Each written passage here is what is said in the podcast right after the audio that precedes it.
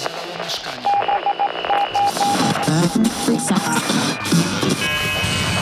Odsłuch społeczny. Witam wszystkich w kolejnym odcinku Odsłuchu Społecznego. Nazywam się Joanna Kotkowska-Pyzel, a naszą gościnią jest Małgorzata Anna Maciejewska, feministka, absolwentka filozofii i matematyki na Uniwersytecie Warszawskim. Tam też obroniła doktorat z filozofii dotyczący roli tego, co inne w kształtowaniu naszej tożsamości. Oprócz działalności naukowej prowadzi bloga Wiądro Dyskursu. Tematem dzisiejszego spotkania jest klasizm jako główne źródło podziału w polskim społeczeństwie. Dzień dobry Pani, dzień dobry Państwu. Dzień dobry.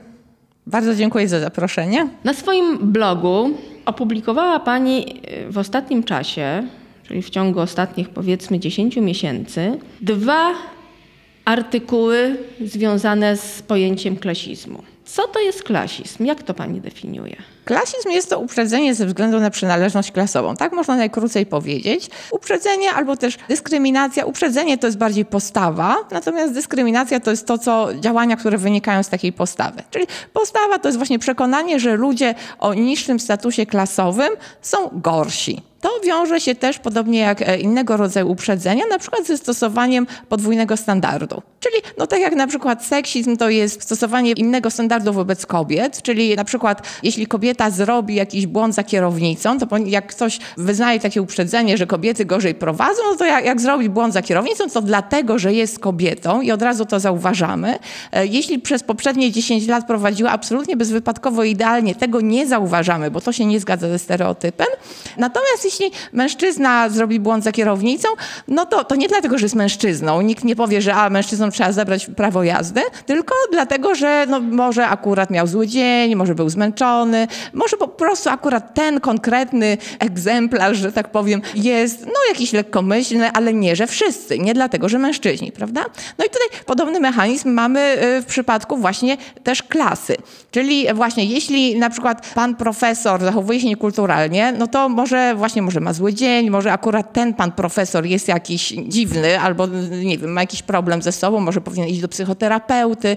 Natomiast jeśli widzimy, że niekulturalnie zachowuje się człowiek w dresie, tak? czy ktoś, kto wygląda na robotnika czy na rolnika, no to wiadomo, prawda? To jest patologia. Tak? E, no i, i tak dalej. Tego, tego rodzaju przykłady można by mnożyć. Natomiast jeszcze właśnie z tą klasą mamy taki problem, że w ogóle pojęcie klasy w dyskursie, no powiedzmy mainstreamowym występuje niezwykle rzadko. O klasach dużo mówiono w poprzednim systemie i wydaje się, że to już jest takie pojęcie przeżytek. No to jacyś tacy, nie wiem, dziwni, radykalni marksiści mogą jeszcze mówić o klasie, no a przecież we współczesnym społeczeństwie już nie mamy klas.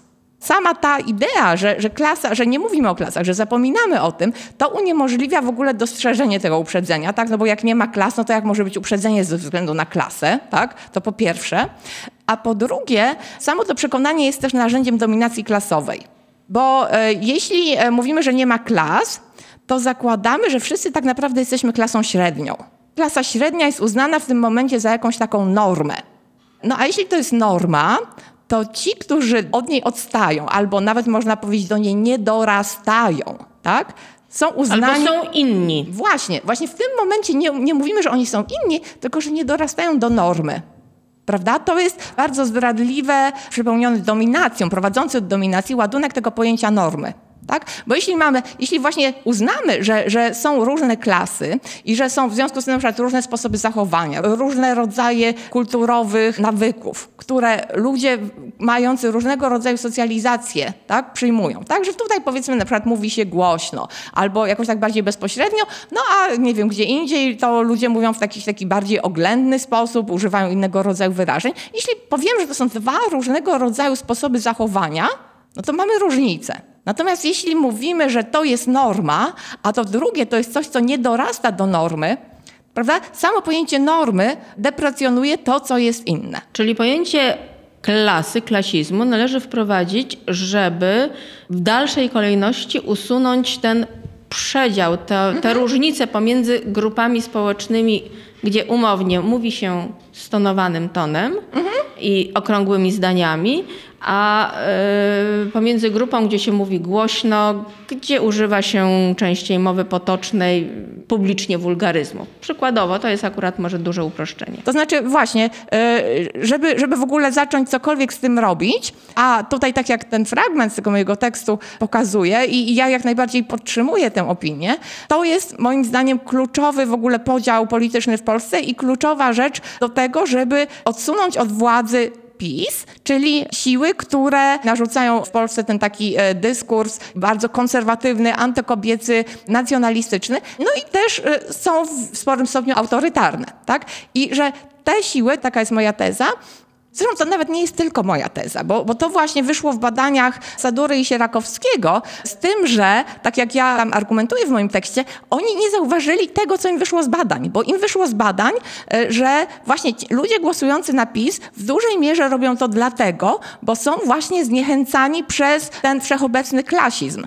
Zresztą wcześniej już nawet przed ich badaniami, Centrum Badań nad Uprzedzeniami zrobiło takie badania nastawienia członków różnych elektoratów i wyszło im z tego, wszyscy się bardzo zdziwili, że elektorat PO jest znacznie bardziej wrogo nastawiony do e, elektoratu PiS niż w drugą stronę, tak? A było to takie obecne przeświadczenie, że, że nie, że to ci PiS to są ci właśnie tacy strasznie uprzedzeni. Okazało się, że nie, że właśnie, że PO są bardzo, że bardziej, bardzo też odczłowieczają elektorat PiS, tych swoich przeciwników e, politycznych. I no, jeśli mamy do czynienia z ludźmi, którzy e, właśnie odczłowieczają nas, tak? Jeśli mamy do czynienia z ludźmi, którzy też w, no w ogóle traktują nas e, jak, no nie wiem, jak głupszych, gorszych, bo też właśnie w tych badaniach Sadury i Sierakowskiego tam wyraźnie się pojawiają na takie stwierdzenia, że elektorat PO buduje poczucie własnej wyższości. Tak, tam są takie dwa, wydaje mi się, główne dogmaty. Wyborcy PO to są ci oświeceni, tolerancyjni, przepełnieni szacunkiem dla demokratycznych wartości. Oni sami tak o sobie myślą, a jest przeciwnie, tak? Bo jeśli właśnie jakąś grupę chcą z tej demokracji wykluczyć, to nie szanują demokratycznych wartości, po prostu. Plus y, takie przeświadczenie wyborców PO, że głosowanie na partię, y, dzięki której poprawi się nasza sytuacja materialna, jest czymś niskim, czymś, o czym się nie mówi. O pieniądzach się nie mówi. Pieniądze się ma. Tutaj też jest cytat z pani artykułu, to mi się bardzo spodobało. Ciągnie się to za nami już od, od zeszłego wieku, gdzie były pytanie, dlaczego y, masy chłopskie nie poparły kolejnych naszych pos- powstań. No dlaczego? Bo, Bo po co, bo, mi- po co?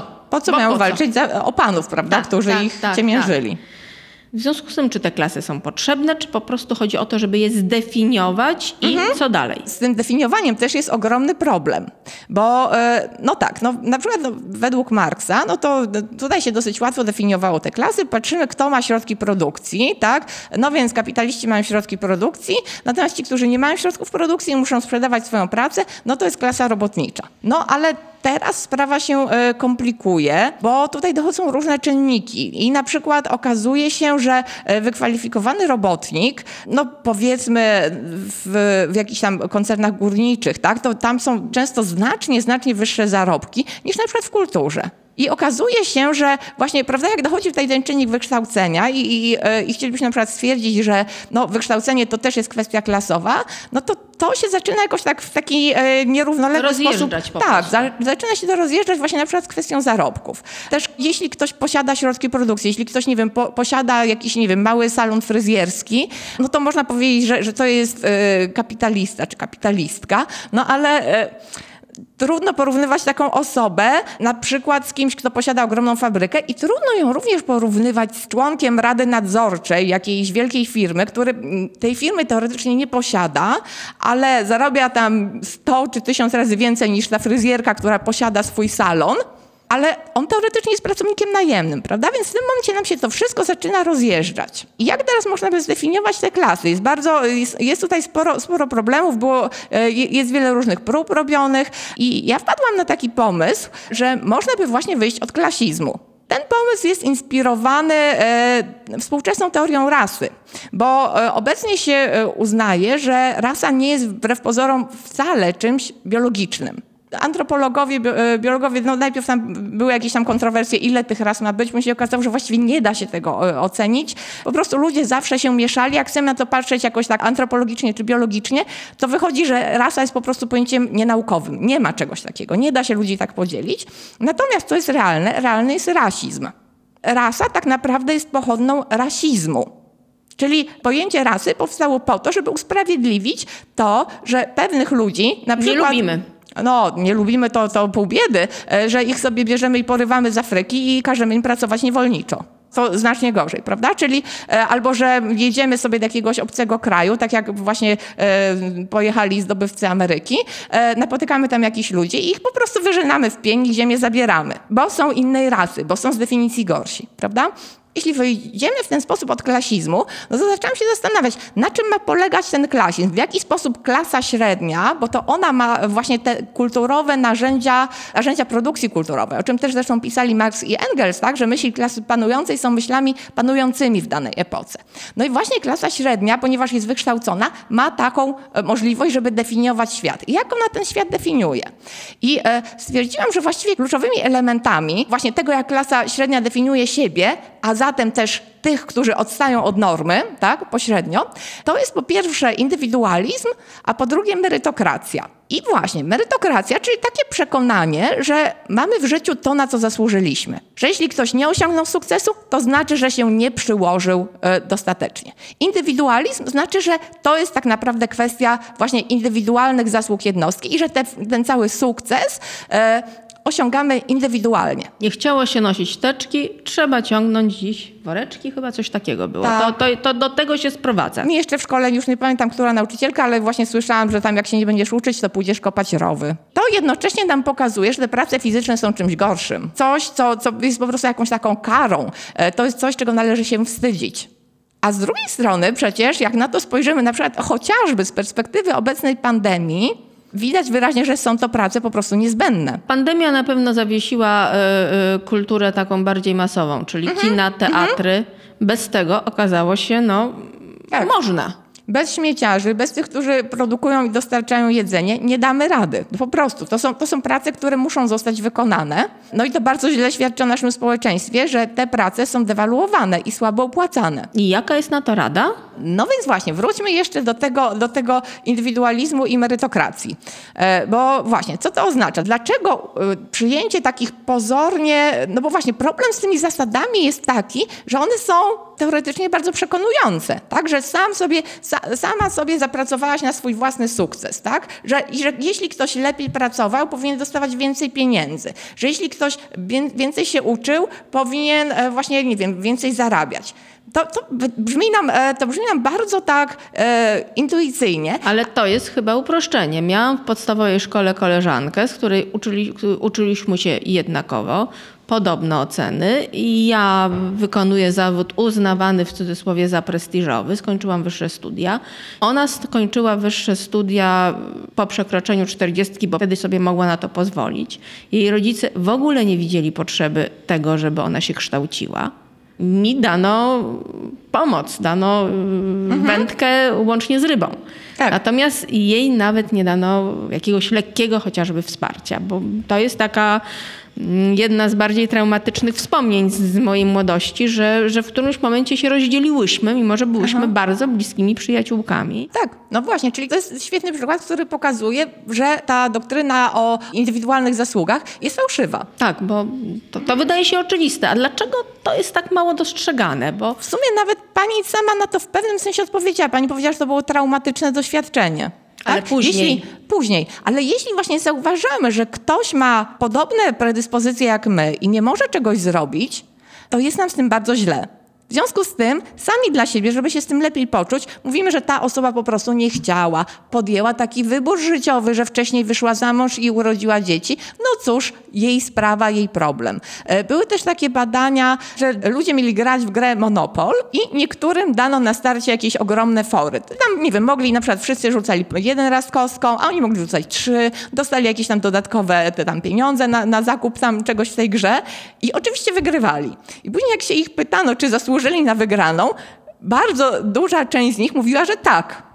Nawet w tak oczywistej sytuacji, gdy mamy do czynienia z grą, tak? czyli nie z czymś, co w ogóle na przykład dotyczy naszego życia, bo tutaj znacznie trudniej byłoby sobie e, przyjąć, jak bardzo ten nierówny start e, zaważył. Tak? Poza tym właśnie ten nierówny start to też bardzo często jest coś takiego, co ciężko zauważyć. Tutaj było to widać wyraźnie, no bo widać wyraźnie, że jeśli ja mogę rzucić kostką trzy razy, a ktoś tylko raz, to widać wyraźnie, że mam tutaj uprzywilejowaną pozycję. I nawet w takiej sytuacji ludzie, żeby się z tym lepiej poczuć, że wygrali i żeby móc to zaakceptować, że oni mają te pieniądze, że móc się z tego cieszyć, uznawali, że jest to ich własna zasługa. Idea merytokracji, czyli tego, że to, co dostajemy, odzwierciedla nasze zasługi, została wymyślona przez tych, którzy mieli fory po to, żeby te fory usprawiedliwić. Po to, żeby mogli wierzyć w to, że tak naprawdę dostali dokładnie to, co zasłużyli, a ci, którzy tego nie dostali, to nie, nie dlatego, że, że gdzieś tam w wyścigu e, po prostu startowali z zupełnie innej pozycji, ale dlatego, że się nie przyłożyli, byli mniej zdolni, mniej wytrwali, pracowici i tak dalej. Tak? Czyli właśnie dlatego ta idea merytokracji jest taka niszcząca dla współczesnej kultury, bo ukrywa to, z jak bardzo różnych pozycji startujemy, a do tego jeszcze ta idea indywidualizmu, do tego jeszcze też wrócę, to e, ukrywa też to, że tak naprawdę wszystko, co, co wytwarzamy, wszystko, co, co jesteśmy w stanie wypracować, jest robione zbiorowo. Jeśli ktoś właśnie zatrudnia kogoś, tak? Ktokolwiek zatrudnia kogoś, to korzysta z pracy tej innej osoby. Jeśli ja się wykształciłam, tak? no to korzystałam, wykształciłam się za darmo, korzystałam z państwa, które mi to wykształcenie dało i tak dalej, i tak dalej. Korzystamy z darmowej opieki zdrowotnej. To wszystko bez tego nie bylibyśmy w stanie pracować, nie bylibyśmy w stanie funkcjonować, więc cokolwiek w życiu wypracowaliśmy, zrobiliśmy to zbiorowo. Tak? I jeśli myślimy właśnie o naszych zasługach jako czymś indywidualnym, to to ukrywa pracę, tę często niepłatną, bo jest to zazwyczaj e, niepłatna praca reprodukcyjna kobiet, które wychowują dzieci, albo słabo płatną, jak praca tych wszystkich osób, o których właśnie już mówiłyśmy, które utrzymują w ogóle społeczeństwo, żeby ono jakkolwiek działało. Tak? No a teraz jeszcze kwestia tego, dlaczego ci ludzie się tak wkurzają, że ta prowincja śmiała nam urządzić państwo. No bo właśnie, jeśli jesteśmy sami normą, jeśli mamy tę ideę, że klasa średnia to jest norma, no to tych innych po prostu nie zauważamy.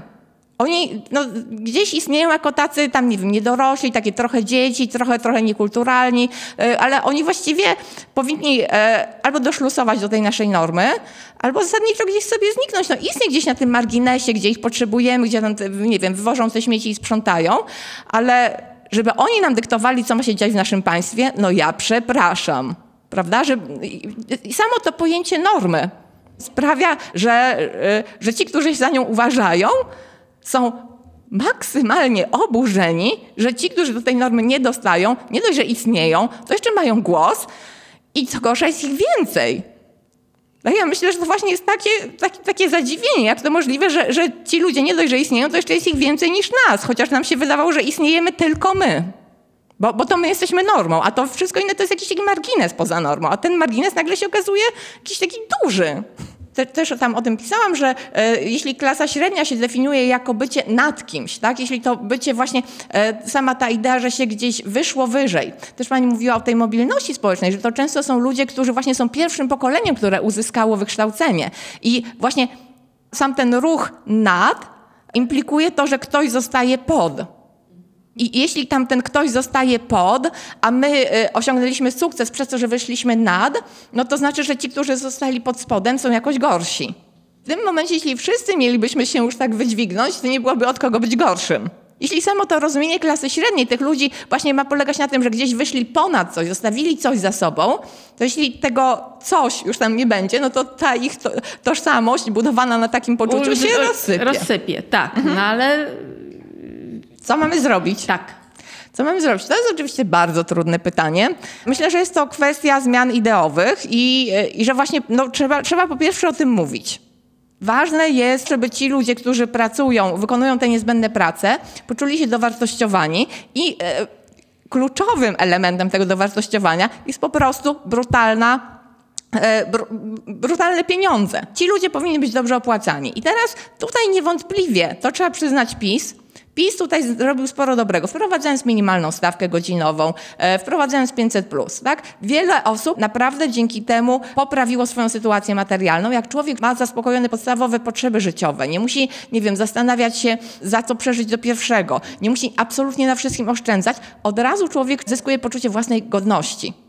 Więc jeśli chodzi o czyny, to ja bym powiedziała, że to jest przede wszystkim dążenie do ekonomicznej równości, ale też myślę, że to już wchodzi też w tą sferę ideową, czyli to, żeby na przykład takie, y, żeby na przykład w mediach takie osoby mogły się wypowiadać, żeby to nie było jakoś deprecjonowane, ale też takie codzienne rzeczy, że odnosimy się z szacunkiem do, do pani sprzątającej, odnosimy się z szacunkiem do kierowcy w autobusie, prawda? Bo właśnie myślę, że często tak jest, że mamy to gdzieś jakoś tak wbite, y, właśnie no chociażby z tego, o czym tutaj mówiłyśmy, że jak, jak nie będziesz się uczyć, to pójdziesz do łopaty, tak? Że ci ludzie są gorsi. Nawet nie zwracając na to uwagi, często możemy to reprodukować w takich codziennych zachowaniach, że kogoś potraktujemy właśnie jakoś tak, nie wiem, z buta, protekcjonalnie.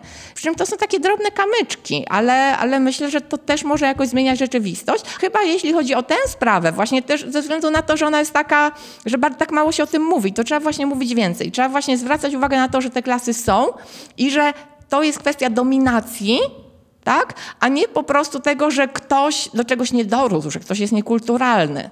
Naszą gościnią była Małgorzata Anna Maciejewska, doktorka filozofii, pracowniczka naukowa, autorka bloga Wiądro Dyskursu. Dziękuję bardzo za rozmowę. Dziękuję. Program prowadziła Joanna Kotkowska-Pyzel, przygotował Sławek Cygler, a realizował Robert Gańko. Do zobaczenia w kolejnym odcinku Odsłuchu Społecznego. Możecie nas usłyszeć na Spotify, YouTube oraz innych platformach podcastowych. Do widzenia.